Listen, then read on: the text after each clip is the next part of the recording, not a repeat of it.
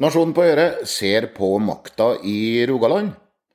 Den har historisk hatt eh, ganske stor evne til å påvirke sentralmakta her i landet. Nå gjelder det Rogaland Bondelag, som kunne ha sendt en opprører til toppen av Bondelaget. Men så var det dette Haugesundsdistriktet, da. Det drar seg nemlig til mot lederverv i Rogaland Bondelag. Bondeopprører Sven Martin Haaland kan tenke seg å bli leder. Det kan lokallagsleder Ståle Hustoft også. Valgkomiteen foretrekker sistnevnte. Det er årsmøtet som avgjør den 13. mars. Det kan bli en batalje. Aller først, det kommer ingen instruks til valget her. Eh, jeg har, skamme meg, aldri vært i Rogaland sør for Haugesund. En planlagt tur til Stavanger i fjor ble avlyst da jeg fant ut at domkirka er stengt for oppussing. Den eneste kirka i Norge i samme divisjon som katedralen i Nidaros. Gjærbøndene kan konkurrere med Trøndelags bønder i sagaer og matfat også. Slike har en for lang og stolt historie eh, til å få fornærmende føringer for ledervalget sitt fra Sveigårds gate i Oslo. For alt jeg vet, kan valgkomiteen ha rett i at Ståle Hustoft er den beste lederen bøndene i Rogaland kan få.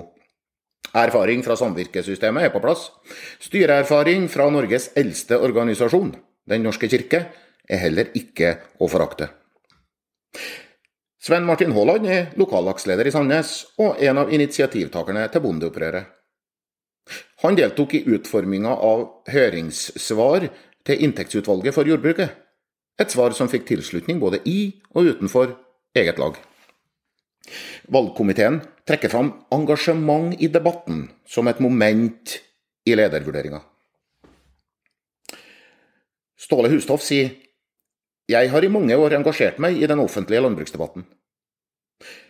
Navnet Ståle Hustoft dukker opp i 34 medietreff de tre siste åra.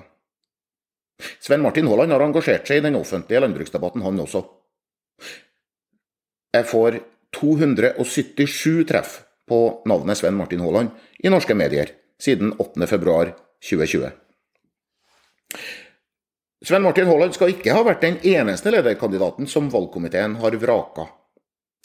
Bønder i Rogaland reagerer på at nasjonen i det hele tatt nevner Haaland i vår omtale av valgkomiteens innstilling.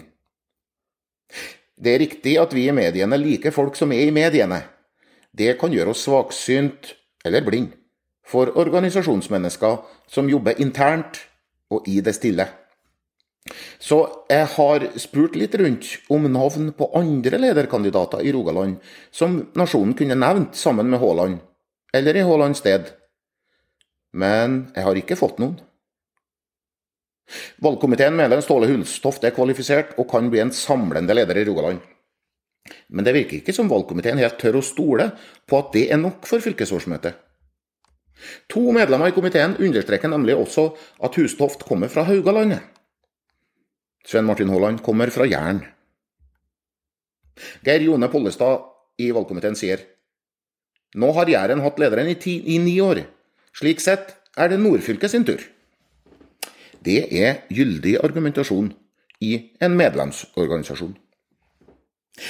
Men det kan også tolkes dit hen at dersom Hustoft var jærbu, og det var Haaland som kom fra Haugalandet, så kunne Hustoft blitt vraka. De to kandidatene har svært ulik appell til sine velgere. I en fersk sak i Bondevennen melder Hustoft at vi, altså bøndene, sitat, kjem ingen veg med sutring. Klaging rundt kjøkkenbordet er like ødeleggende for rekrutteringa som resultatet av jordbruksoppgjøret, mener Hustoft.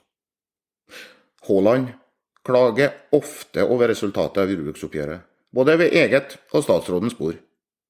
Som beregna av Grytten-utvalget tjener bonden for tiden 212 000 kroner i vederlag til arbeid og egenkapital per årsverk, sier Haaland.